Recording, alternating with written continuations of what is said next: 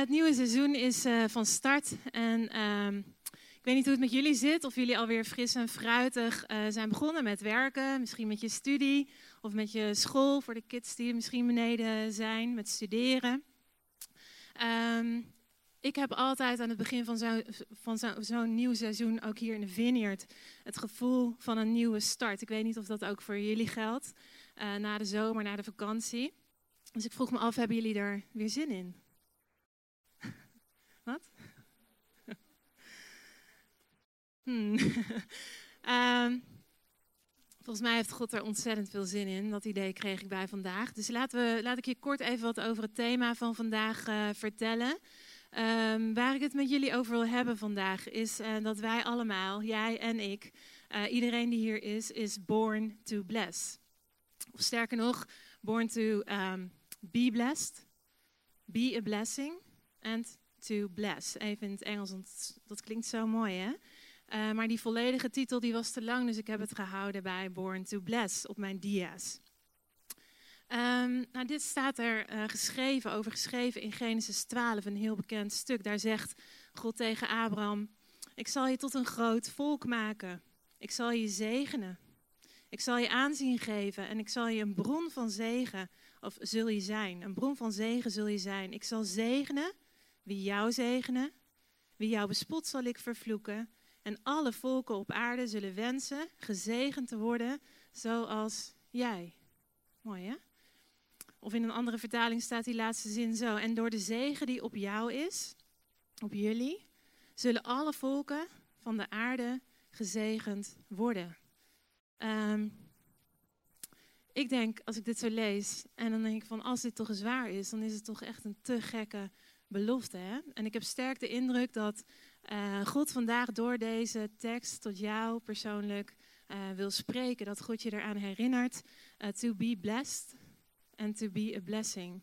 En ik heb het idee dat niemand hier vandaag weg hoeft te gaan zonder gezegend te worden en een zegen te ontvangen. Om een zegen te zijn voor anderen. Ik dacht, misschien kun je even omdraaien naar je buurman, je buurvrouw. Je hebt vast al even gegroet. Je mag je ook even achterom keren en zeg: Joh, wat ben jij toch een zegen? kijk, kijk elkaar gewoon even diep in de ogen. You're a such a blessing. Je bent zo'n zegen.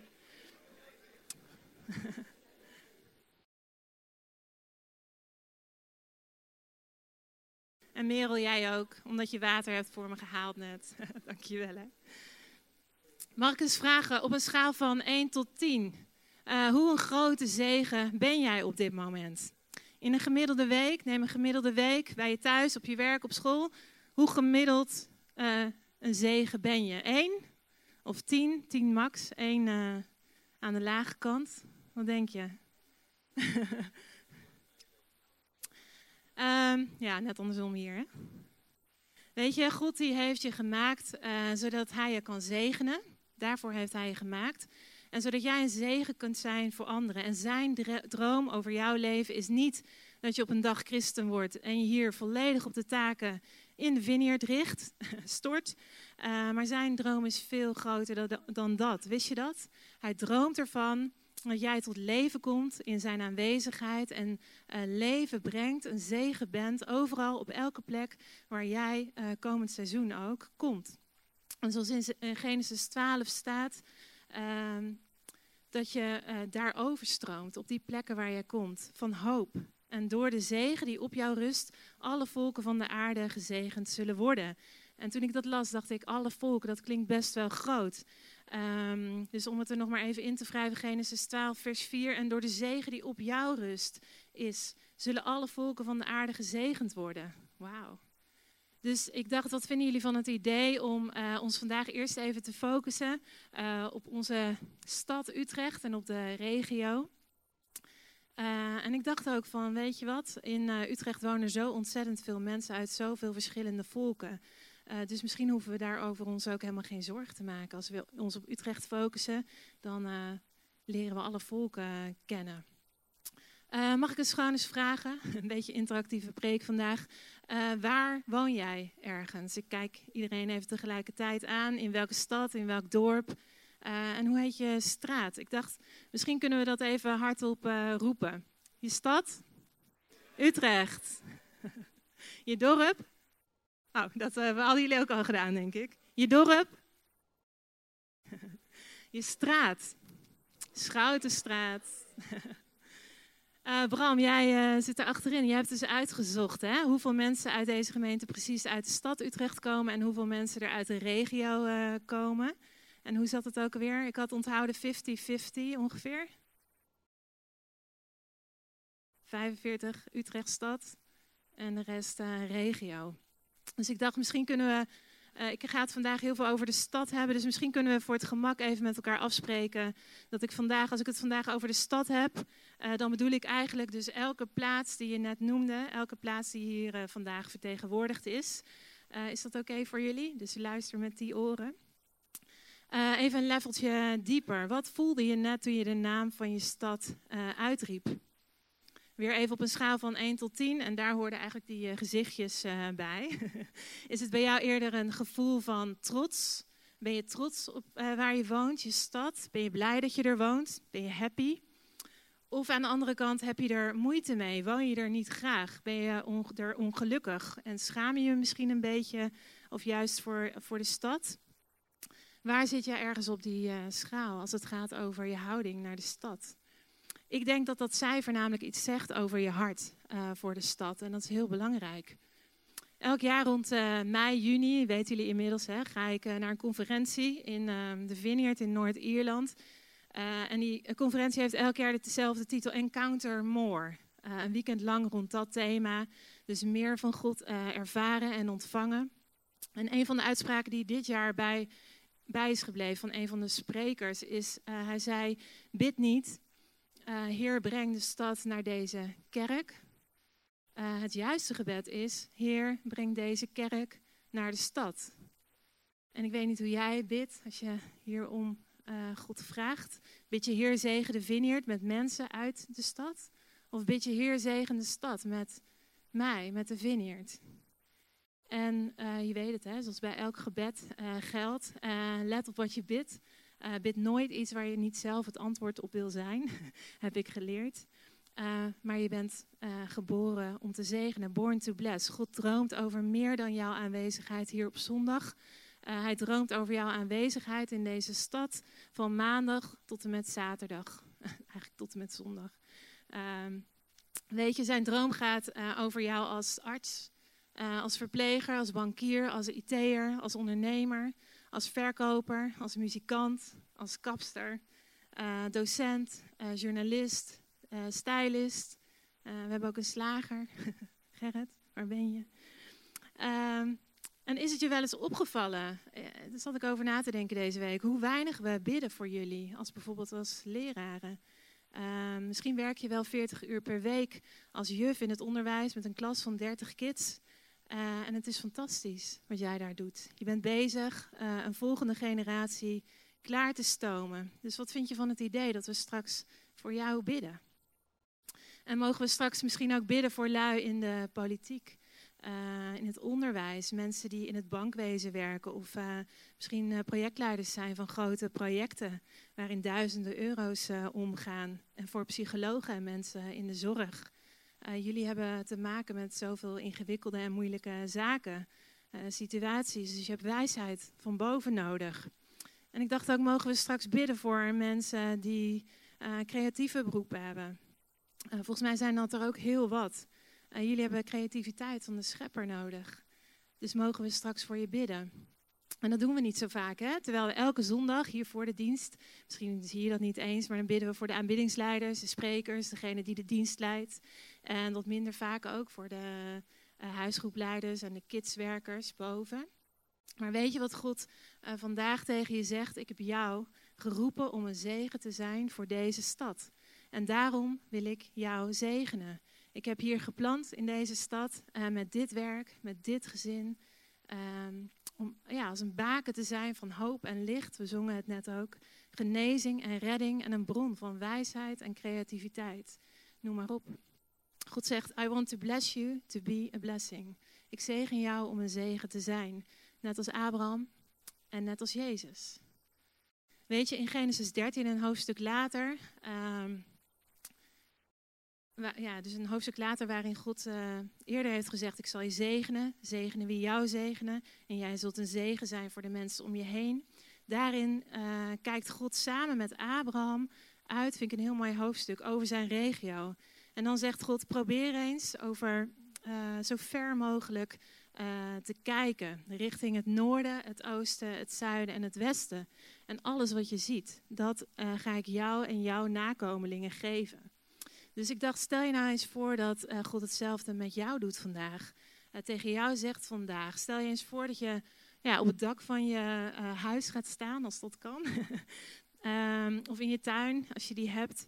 En God zegt tegen je, kijk om je heen, 360 graden, zo ver als je kijken kunt.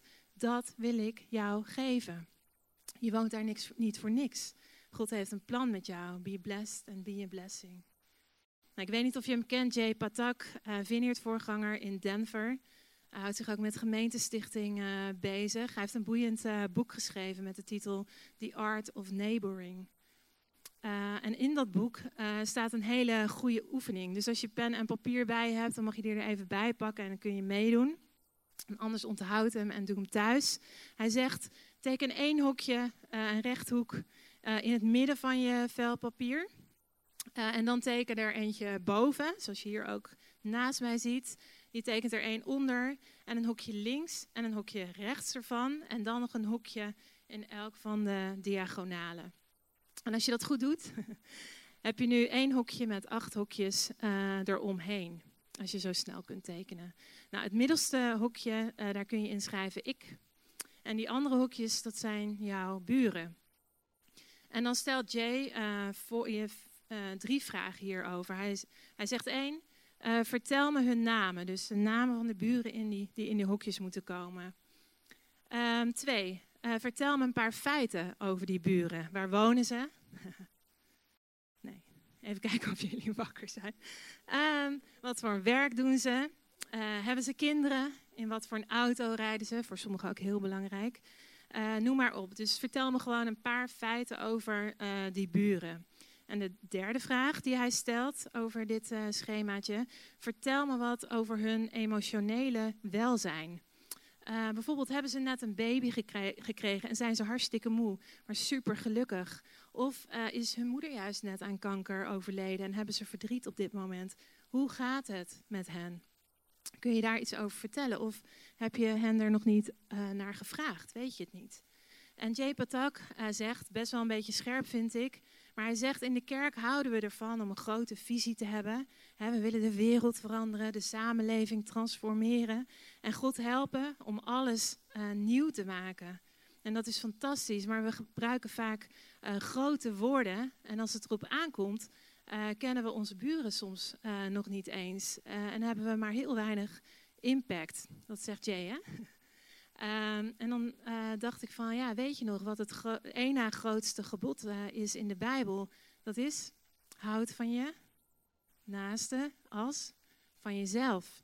En dat is precies de strategie achter Gods plan om zijn koninkrijk te brengen in onze steden. Houd van je naaste. We zijn hier om onze buurtjes, onze stad op een radicale manier uh, te omarmen en te zegenen, to be a blessing. Nou, het is tijd om de Bijbel er echt bij te pakken. Uh, Jeremia 29 wil ik vandaag lezen, vers 4 tot en met 14. Je kunt meelezen op het scherm hier achter mij. Wat ik leuk vind om te noemen voordat we hem gaan lezen, is dat het woord stad um, 1400 keer uh, genoemd wordt in de hele Bijbel. En uh, dat er meer dan 100 steden in de Bijbel ook bij naam worden genoemd. Dat is best bijzonder. En het is echt waar. Uh, nou, Jeremia 29 gaat ook over een stad, een hele bekende tekst. En dat is natuurlijk ook precies de reden waarom ik hem vandaag met jullie wil gaan lezen. Om samen te ontdekken hoe dan. Uh, hoe kunnen wij een blessing zijn voor deze stad? Dus hier komt de brief van Jeremia aan het volk Israël. De brief had de volgende inhoud. Dit zegt de Heer van de hemelse machten, de God van Israël, tegen de ballingen die hij vanuit Jeruzalem naar Babel heeft laten voeren. Hij zegt: bouw huizen en ga daarin wonen. Leg tuinen aan en eet van de opbrengst. Ga huwelijken aan en verwek zonen en dochters. Zoek vrouwen voor je zonen en huw je dochters uit, zodat zij zonen en dochters baren. Jullie moeten in aantal toenemen, niet afnemen. Bid tot de Heer voor de stad waarheen ik jullie weggevoerd heb. En zet je in voor haar bloei. Want de bloei van de stad is ook jullie bloei. Dit zegt de Heer van de hemelse machten, de God van Israël. Laat je niet misleiden door je profeten en waarzeggers. Hecht geen geloof aan hun dromen. Ze, ze dromen slechts wat jullie wensen. Wat ze uh, jullie in mijn naam profiteren zijn leugens. Ik heb hen niet gezonden, spreekt de Heer. Maar dit zegt de Heer: Als er in Babel 70 jaar voorbij zijn, zal ik jullie naar jullie omzien. Dan zal ik mijn belofte gestand doen uh, door jullie naar Jeruzalem te laten terugkeren. En dan, mijn plan met jullie staat vast, spreekt de Heer. Ik heb, je, ik heb jullie geluk voor ogen, niet jullie ongeluk. Ik zal je een hoopvolle toekomst geven. Jullie zijn, zullen mij aanroepen en tot mij bidden en ik zal naar jullie luisteren. Jullie zullen uh, mij zoeken en ook vinden als jullie mij tenminste met hart en ziel zoeken. Ik zal me door jullie laten vinden, spreekt de Heer, en ik zal in je lot een keer brengen. Ik zal jullie samenbrengen uit alle volken en plaatsen waarheen ik je verbannen heb. Uh, spreekt de Heer en je laten terugkeren naar Jeruzalem, waaruit ik je heb laten wegvoeren. Tot zover even de MBV. Ehm, dit wat we net lazen, dat gaat over Gods hart voor de stad. Um, wist je dat vers 11, bekende tekst, het meest gegoogelde vers is uh, uit de Bijbel? Wie van jullie heeft hem onderstreept in zijn Bijbel? Ik denk heel veel, hè? Wie heeft hem misschien voor in zijn Bijbel uh, staan? Mijn plan voor jullie staat vast, spreekt de Heer. Ik heb jullie geluk voor ogen, niet jullie ongeluk. Ik zal je een hoopvolle toekomst geven. En uh, de context van dit vers, vers 11, is God die spreekt over waarom Hij ons in deze stad heeft geplaatst. Hij geeft ons de opdracht om onze stad te zegenen. To bless our cities. Goed, Jeremia uh, roept Gods volk, ons dus ook, op en vraagt hen een best wel verrassende houding aan te nemen uh, ten opzichte van hun nieuwe cultuur, hun nieuwe stad, Babel in hun geval. En ik weet niet of je uh, wel eens over de reputatie van Babel hebt gehoord. Maar ik denk dat het heel verleidelijk, verleidelijk was voor het volk van God om om zich heen te kijken over de stad, Noord, Oost, Zuid, West. En tegen elkaar te zeggen: Jongens, het is hier duister, het is hier corrupt, het is hier onprettig. En willen we hier eigenlijk wel wonen? Maar Jeremia die zegt tegen ze: Jullie zijn hier juist om de stad te zegenen. Born to be a blessing. En wel op de volgende drie uh, specifieke manieren aanwezig te zijn. En die drie manieren wil ik de rest van de preek met jullie bespreken. Namelijk positief aanwezig, profetisch aanwezig en biddend aanwezig. En ik stel dus voor om even langs deze drie manieren, drie houdingen uh, te lopen en samen te ontdekken hoe, graag, hoe God uh, graag zou willen zien dat ook wij er voor onze stad uh, zijn. Het eerste punt uh, is positief. Uh, dus ja, de eerste is positief aanwezig. God roept ons om positief aanwezig te zijn in onze stad met een positieve houding, een positieve uh, kijk op de stad, naar de stad. Vers 5 tot 7 gaan hierover. Hè. Er stond bouwhuizen, ga erin wonen, leg groentetuinen aan, huwelijken. jullie moeten toenemen, niet afnemen. En bid de Heer voor de stad waarheen ik jullie heb weggevoerd. En zet je in voor haar bloei. Want de bloei van de stad is ook jullie bloei. Kortom, God roept ons op om van onze stad te genieten. om onze stad te zegenen, ook al is die misschien vol zonde, of zeker weten. je mag er onvoorwaardelijk van genieten van de stad en je stad onvoorwaardelijk zegenen ook. En als we dat doen, dat zegt uh, Jeremia, dan zal er vrede heersen en komt de stad tot bloei, tot leven. En dat is duidelijk positief, hè? En het klinkt ook niet zo gigantisch moeilijk, dacht ik in eerste instantie. En toen dacht ik later van misschien is het toch wel moeilijker dan we soms denken. Want christenen staan er in het algemeen ook wel onbekend dat ze vaak overal vooral tegen zijn. Um, we proberen wel naar andere personen te kijken en het positieve in hen uh, te zien en naar boven te halen. Maar onze kijk op de stad is niet altijd even uh, positief. Uh, ik dacht misschien kan ik een paar voorbeelden geven om dat duidelijk te maken. Ik moest denken aan de Ghostbusters. Kennen jullie die? Wie heeft wel eens een aflevering of een film van de Ghostbusters gezien? Ontdekken we dat gelijk even. het is niet echt mijn ding. Uh, maar wat ik, er, ik weet er net genoeg van om te weten dat de Ghostbusters uh, er onbekend staan om op overal en altijd hè, op spoken te jagen. Ehm, weet je wat ik denk? dat God ons oproept om niet te worden zoals de Ghostbusters. Um, en vooral en overal spoken te zien, maar dat onze focus juist mag liggen op, uh, zoals John Wimber dat altijd zei, vind ik een hele mooie. I had rather uh, that we plant seeds wherever we can than pull weeds. Dus we kunnen beter zaadjes strooien dan onkruid eruit trekken. Dus God roept ons om zaadjes te planten waar we kunnen te zegenen en ons niet te veel bezig te houden met het onkruid. Born to bless. Een ander heel mooi voorbeeld uh, wat ik tegenkwam was uh, om positief aanwezig te zijn in de stad. Was uh, eentje van Floyd McClung. Ik denk wel bekend bij veel van jullie. Van Jeugd met een Opdracht. toen hij hier in Amsterdam kwam wonen om voor Jeugd met een Opdracht te werken in de Rode Buurt. huurde hij daar een gebouw. En dat gebouw dat stond precies tussen aan de ene kant een seksshop en aan de andere kant een Satanskerk.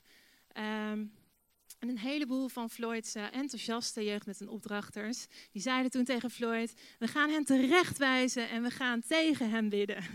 En toen zei Floyd heel wijs, hij reageerde heel wijs, weet je, uh, op die manier, door in reactie op onze buren uh, te gaan leven, dragen we helemaal niks bij. Waarom doen we het niet zo?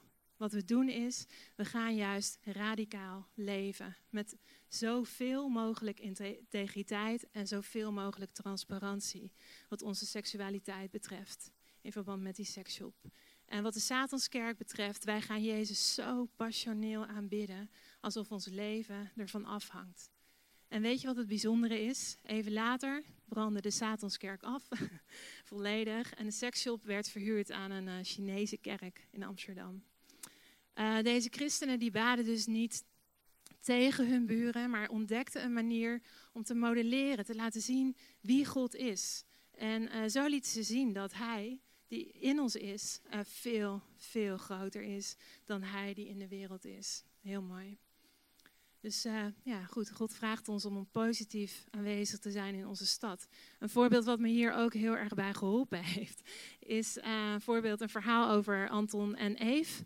Ik denk, ik weet niet hoor hoe het met jullie zit, maar ik denk dat iedereen in zijn leven wel een Anton en Eve heeft of kent. Uh, dan bedoel ik zo'n zendeling, uh, supergoddelijk uh, echtpaar. Heel lief en um, waar je best wel graag naar kijkt en een beetje meer op zou willen lijken. van die mensen die bijna nog aardiger zijn dan Jezus. Je kent ze wel. Dat Jezus zelfs denkt, wow, hoe kunnen zij zo aardig zijn? Uh, nou ja, zulke mensen dus. Deze Anton en Eve hebben uh, twee dochters. Uh, die zijn inmiddels volwassen. En werken voor zendingsorganisaties, net als hun ouders. Maar een van die dochters was vroeger helemaal into, hoe zeg ik dat, gothic. Je weet wat ik bedoel dan. je weet wel, met zwarte haren, zwarte nagels, zwarte kleding, zwart, zwart, zwart, alles zwart. En op een avond kwam deze dochter naar beneden, klaar om uit te gaan. En ze had zich helemaal gothic uitgedost. En de enige kleur die ze droeg um, was een heel klein beetje paarse oogschaduw. Dat was alles. En Eve, haar moeder, ze kwam naar beneden, die dochter. En Eve, die keek eens naar haar, uh, naar haar dochter. En uh, nou ja, het is vast niet wat, wat een moeder hoopt voor een dochter. Vooral niet als ze een paar jaar eerder nog in prinsessenkleertjes rond had gedanst. Roze prinsessenkleertjes in de kamer. Um, maar goed, wat doet Eve? Uh, zij kan alleen maar positieve dingen uh, benoemen en mensen positief benaderen. Dus wat ze zei is, och schat, wat staat dat paarsje toch ontzettend goed. Echt beeldig. Enzovoort. Ze ging maar door over dat paars en alleen maar over het paars bleef dat paars complimenteren. En uh, het was één die kleine vierkante centimeter op het lijf van haar dochter, die ze wel kon waarderen. En toen dacht ik, wauw, als we nou een beetje meer zoals die Eve met z'n allen kunnen zijn. En uh, ja, als het uh, over onze stad gaat, uh, ja, door die kleine stukjes paars in onze stad eh, te ontdekken en ons af te vragen, waar gebeurt iets goeds? waar is iets paars en hoe kunnen we dat zegenen in onze stad? Nou, van de week las ik dat Utrecht, nou, is wel mooi om te horen, de ideale stad is volgens de Europese Commissie. En in hun rapport wordt Utrecht een diverse, gastvrije en creatieve studentenstad uh, genoemd. Um, en toen dacht ik, hey, weet je, dat zijn nou vingerafdrukken van God. Dat, is, uh, dat zijn nou uh, ja, tekenen van die paarse oogschaduw. Die dingen kunnen we alvast beginnen te zegenen. Creativiteit, diversiteit, gastvrijheid, de studenten. Dat is een mooi startpunt. En het is ook super belangrijk dat we daar altijd beginnen. Dat we beginnen um, onze theologie beginnen in Genesis 1 en niet in Genesis 3. We starten niet op het moment dat alles fout gaat en iedereen zondigt. Nee, we starten in Genesis 3, uh, eh, waar staat dat alle mensen gemaakt zijn naar Gods beeld. En dat is zo fundamenteel belangrijk. Het begon goed. Het was goed. Het begon niet met duisternis, waar we ons op de een of andere manier uh, tegen af moeten zetten. Dus het eerste advies van Jeremia uh, is om positief aanwezig te zijn in de stad, door alles te zegenen dat goed is en alles uh, van God uh, te zegenen in onze stad. Nou, de tweede die ik wil noemen is profetisch. Jeremia roept ons op om profetisch aanwezig te zijn in deze stad. In vers 10 stond dit: Als er in Babel 70 jaar voorbij zijn, zal ik naar jullie omzien. Dan zal ik mijn belofte gestand doen door jullie naar Jeruzalem uh, te laten terugkeren. Dus van Babel naar Jeruzalem. Dit is wat God zegt. Uh, jullie zitten nu in gevangenschap in deze stad. Maar over 70 jaar breng ik jullie terug naar die andere stad, naar Jeruzalem. En datzelfde geldt eigenlijk ook voor ons. Je zou kunnen zeggen, wij zijn hier ook uh, als het ware in ballingschap in deze stad. Maar het is maar een tijdelijke woonplaats voor ons, totdat Jezus terugkomt en ons meeneemt naar die nieuwe stad, naar het nieuwe Jeruzalem. Dat is ons profetisch uitzicht. Uh, Jeremia zegt hiermee zoveel uh, als jullie zijn als vreemdelingen in deze stad, in deze wereld. En deze woonplaats waar jullie nu leven is niet voor altijd, het is maar tijdelijk. Uh, en de stad is niet jullie eindpunt. Het is goed om te weten, hè? dat maakt ons profetische mensen. We zijn hier om een zegen te zijn, maar wel als vreemdelingen. Dit principe vind je uh, bijvoorbeeld terug in Matthäus 6, vers 8. Uh, waar heel duidelijk staat, uh, word niet zoals hen. En in Romeinen 12, vers 2, je moet jezelf niet aanpassen aan deze wereld, maar veranderen door je denken te vernieuwen. Met andere woorden, vind ik een hele mooie, we zijn trendzetters, we zijn geen chameleon. Dus God die roept ons op om anders te zijn dan de cultuur waarin we leven. En dit is een van de grootste thema's uit de Bijbel, in de Bijbel. Wij passen ons niet aan aan de cultuur, maar we creëren met z'n allen deze week een andere cultuur, namelijk die van God. En ik dacht, ja, hoe ziet dat er dan praktisch uit? Moest ik gelijk denken aan een vriendin van mij, uh, Joyce heet ze. En zij kent uh, Jezus, ze volgt Jezus en ze is juf op een basisschool. En uh, op een gegeven moment verhuisde zij van, van Utrecht naar Rotterdam. En het was het meest logische voor haar om weer te solliciteren op een uh, christelijke school. Uh, maar wat deed ze? Ze had het idee dat God uh, iets anders voor haar had op het oog. En ze solliciteerde bewust op een openbare school met wel 80% volgens mij allochtone kinderen, leerlingen. Het was verder fietsen van haar huis, kost haar meer moeite om zich ook in hen en hun cultuur te verdiepen. maar waarom deed ze het dan? Hè? Uh, omdat ze daar, juist op die plek, iets van Jezus wou laten zien door deze kinderen uh, ongelooflijk lief te hebben. En daar als christen voor hen te zijn, als Jezus te zijn en hen te zegenen. En daar ook een andere cultuur uh, te creëren. wat God van ons wil, is dat we overal waar we zijn een andere cultuur modelleren, creëren. En de oproep van Gods koninkrijk is om de stad voluit lief te hebben en te zegenen in het besef dat onze waarden inderdaad anders zijn. En in het besef dat we hier maar tijdelijk in deze stad zijn, uh, totdat Jezus terugkomt uh, en we kunnen wonen in die prachtige nieuwe stad. Dus we kunnen profetisch aanwezig zijn. Het derde punt wat ik wou noemen is dat God ons oproept om biddend aanwezig te zijn. Hier komt uh, het mooie vers 7 nog een keer. Bid tot de Heer voor de stad waarheen ik jullie weggevoerd heb. En zet je in voor haar bloei. Want de bloei van de stad is ook jullie bloei. Met andere woorden, onze gebeden uh, kunnen de stad tot bloei uh, brengen, tot leven brengen. Ons gebed zorgt ervoor uh, dat hier welzijn is en wel, welvaart komt. En zorgt ervoor dat het goed gaat met de stad. Dat vind ik ongelooflijk. Onderschat het niet, de kracht van jouw gebeden, van jouw gebed. Een heel mooi voorbeeld, en het is gelijk ook een van mijn lievelingsverhalen uit de Bijbel, uit het Nieuwe Testament, is als Petrus en Johannes naar de tempel gaan, hè, om wat dan ook anders natuurlijk te bidden. En je herinnert je misschien ook de bedelaar in dat verhaal. Uh, en Petrus zegt tegen hem, zilver en goud, dat heb ik niet. En hij zegt, eigenlijk, hé hey vriend, ik ben blut, ik heb het niet. En uh, dan gaat hij verder, maar wat ik heb, dat geef ik je. In de naam van Jezus, sta op en loop. En die jongen uh, krijgt het gevoel in zijn benen gelijk volledig terug. En toen dacht ik, toen ik naar dit verhaal keek, um, valt het je ook op dat Petrus niet zegt, wat Jezus heeft, dat geef ik jou. Maar hij zegt, wat ik heb, dat geef ik je. En ik denk dat daar best wel veel mensen over gevallen zijn over die uitspraak. Maar ik denk dat Petrus hier gelijk heeft. Want wat hij eigenlijk zegt is: Weet je, je bent gezegend dat je mij tegenkomt vandaag. Dat je mij, een vriend van Jezus, iemand vol van de Heilige Geest, uh, tegen het lijf loopt. Wat heb jij een geluk? Wat ben jij gezegend? Um, en weet je, dat geldt ook voor de mensen die jij uh, deze week gaat ontmoeten, dit seizoen. Op je werkplek, op je kantoor, in de collegezaal, in de straat. Ze zijn gezegend, want jij bent een vriend van Jezus. Ze zijn gezegend, want jij vergeeft hen. Ze zijn gezegend, want jij uh, zegent hen. Ze zijn gezegend, want jij houdt van hen. En ze zijn gezegend omdat jij misschien wel een cake voor hen bakt. Ze zijn gezegend, want jij past op hun kids zonder er geld voor te vragen. Ze zijn gezegend, want jij kijkt naar hen om. Vraagt hoe het met hen gaat. Ze zijn gezegend, want als ze ziek zijn, dan bid jij voor hun genezing. Ze zijn gezegend met jou als collega, gezegend met jou als buur, medestudent en familielid. God heeft jou autoriteit gegeven. Het gaat hier over autoriteit, niet over, uh, zou je kunnen zeggen, arrogantie. Het gaat over jouw vertrouwen in het goede nieuws van Jezus. En dus bid tot de Heer voor de stad waarheen ik je weggevoerd heb. En zet je in voor haar bloei. Want de bloei van de stad is ook jouw bloei. En dat is precies hoe economie werkt. Hè?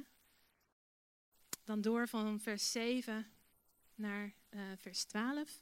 Uh, jullie uh, zullen mij aanroepen en tot mij bidden. En ik zal naar jullie luisteren, zegt God. Dit is wat God belooft als wij Hem zoeken met heel ons hart. We zongen het net nog. God roept ons op om voor onze stad te bidden. Uh, als het ware om in het gat te staan tussen de wil van God aan de ene kant en uh, wat de wereld heeft, uh, nodig heeft aan de andere kant. ik vind dat Piet Greg van 24-7 Gebed, ik weet niet of je hem kent, dit principe heel goed kan uitleggen met een voorbeeld over een klein meisje. Dus mag ik je anders vragen om even een klein meisje in te denken, voor te stellen. Uh, dat op een dag uh, bij haar ouders wordt geroepen en die vertellen haar heel slecht nieuws. Ze zeggen papa en mama gaan scheiden. En op dat moment stort het de wereld van dat kleine meisje volledig in. Alles wat zeker voor haar was, alles wat haar gevormd heeft tot dan toe, lijkt ineens weg. En ze begint ook heel hard te huilen. En vraagt waarom. En in een bitter moment gooit haar papa uh, eruit dat haar mama een affaire heeft gehad. En nu begint de moeder ook te huilen en zegt dat het waar is. En er breekt een uh, hevige discussie los. En dan staat het meisje op, stampvoet op de grond en pakt haar moeder beet. Gaat naar haar moeder toe, pakt haar moeder beet en zegt: Mama, zeg sorry, zeg sorry. En dan gaat ze naar haar vader toe, keert zich om, pakt hem beet en roept: Vergeef, mama, vergeef. Want het enige wat zij niet kan uh, verteren is dat haar vader en moeder uit elkaar gaan. En ik denk dat het ook zo is met gebed. We staan in dat gat tussen de wereld en tussen God. En we zeggen tegen de wereld: zeg sorry. En tegen de vader: vergeef. Want het enige dat wij niet kunnen verteren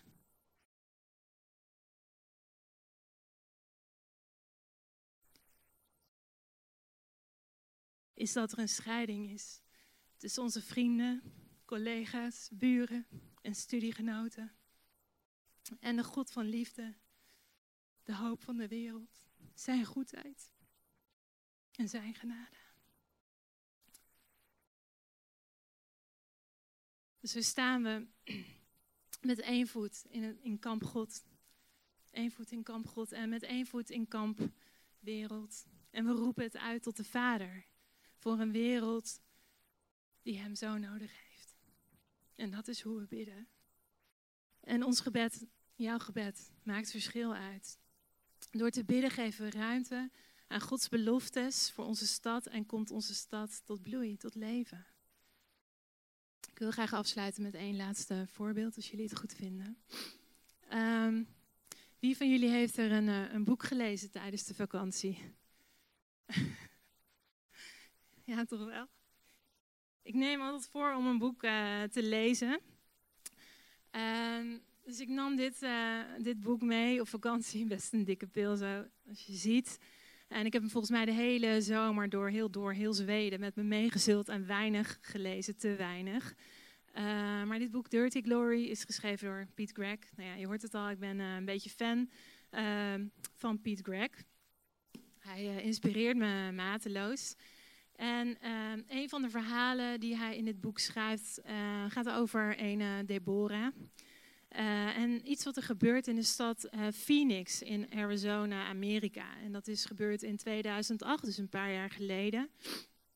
Dat jaar komt de Super Bowl naar deze universiteitsstad. en zoals je misschien wel weet, is de Super Bowl een van de best bekeken ehm, sporten op de televisie. Volgens mij kijken er wel iets van 100 miljoen mensen naar. En een paar dagen voor uh, de Super Bowl krijgt die Deborah, uh, die in Phoenix een uh, gebedsteampje leidt, een ja, best wel vreselijke droom waarin ze ziet dat er veel bloed vergoten wordt in het stadion. En dat maakt haar vreselijk bang. En als ze wakker wordt, ehm, denkt ze aan de ene kant: hé, hey, waarschuwt God me soms voor een aanslag? of zijn het toch mijn eigen gedachten? Ze twijfelt. Maar ze denkt ook van, ja, als het van God is en ik doe er niks mee, weet je wel. Uh, je weet wel hoe dat gaat. Uh, dus wat doet ze? ze? ze? roept een klein teampje op van bidders. Roept ze bij elkaar. En op de avond voor die Super Bowl bidden ze op het parkeerterrein van het stadion. Ze, ze, staan daar en ze bidden voor vrede en voor bescherming en voor veiligheid en tegen een bloedbad. En Deborah die heeft zelf geen, uh, geen tickets uh, voor de wedstrijd. Dus ze kijkt de volgende dag bij haar thuis vanaf de bank naar de televisie. En ze vraagt zich natuurlijk ondertussen af, gaat er iemand schieten? Wat gaat er gebeuren? Maar de wedstrijd die, die verloopt gelukkig vredig en er gebeurt niks. En Deborah die begint zich ondertussen aardig stom te voelen. Blijkbaar heeft ze de droom verkeerd begrepen. En dan komt het nieuws. het blijkt dat een Kurt uh, die een gothic café heeft in de stad, onlangs een vergunning heeft aangevraagd om zijn zaak uit te breiden. En die wordt hem gewei geweigerd. En dan draait Kurt helemaal compleet door. En hij stuurt brieven naar verschillende kranten, naar het nieuws, waarin hij aankondigt dat hij wraak zal nemen met het bloed van kinderen. En hij laat zijn semi-automatische geweer met 200 kogels en rijdt naar het stadion hij parkeert buiten op de parkeerplaats. En weet je wat? Hij parkeert precies op de plek waar die avond daarvoor die bidders hebben gebeden. Voor vrede en tegen geweld. En weet je wat Kurt later in de rechtszaak tegen de rechter verklaart? Hij zegt: Ik kan het niet verklaren, maar ineens veranderde ik van gedachten. En op dat moment heeft hij uh, zijn vader in de auto gebeld vanaf het parkeerterrein. Is in, tranen uitgebarsten, in huilen uitgebarsten. En hij heeft hem verteld wat hij van plan was geweest om een aanslag te plegen. En Curtie wordt gearresteerd, zit zijn gevangenisstraf uit en komt uiteindelijk ook weer vrij. En toen dacht ik, weet je, zou dit allemaal toeval zijn geweest? En ik dacht, nee, je hebt wel een hele hoop geloof nodig om te bedenken dat dit toeval is. Ik vind het een goed voorbeeld. En het voorbeeld zegt me dat uh, onze gebeden ertoe doen. En dat God ons wil zegenen om een zegen te zijn.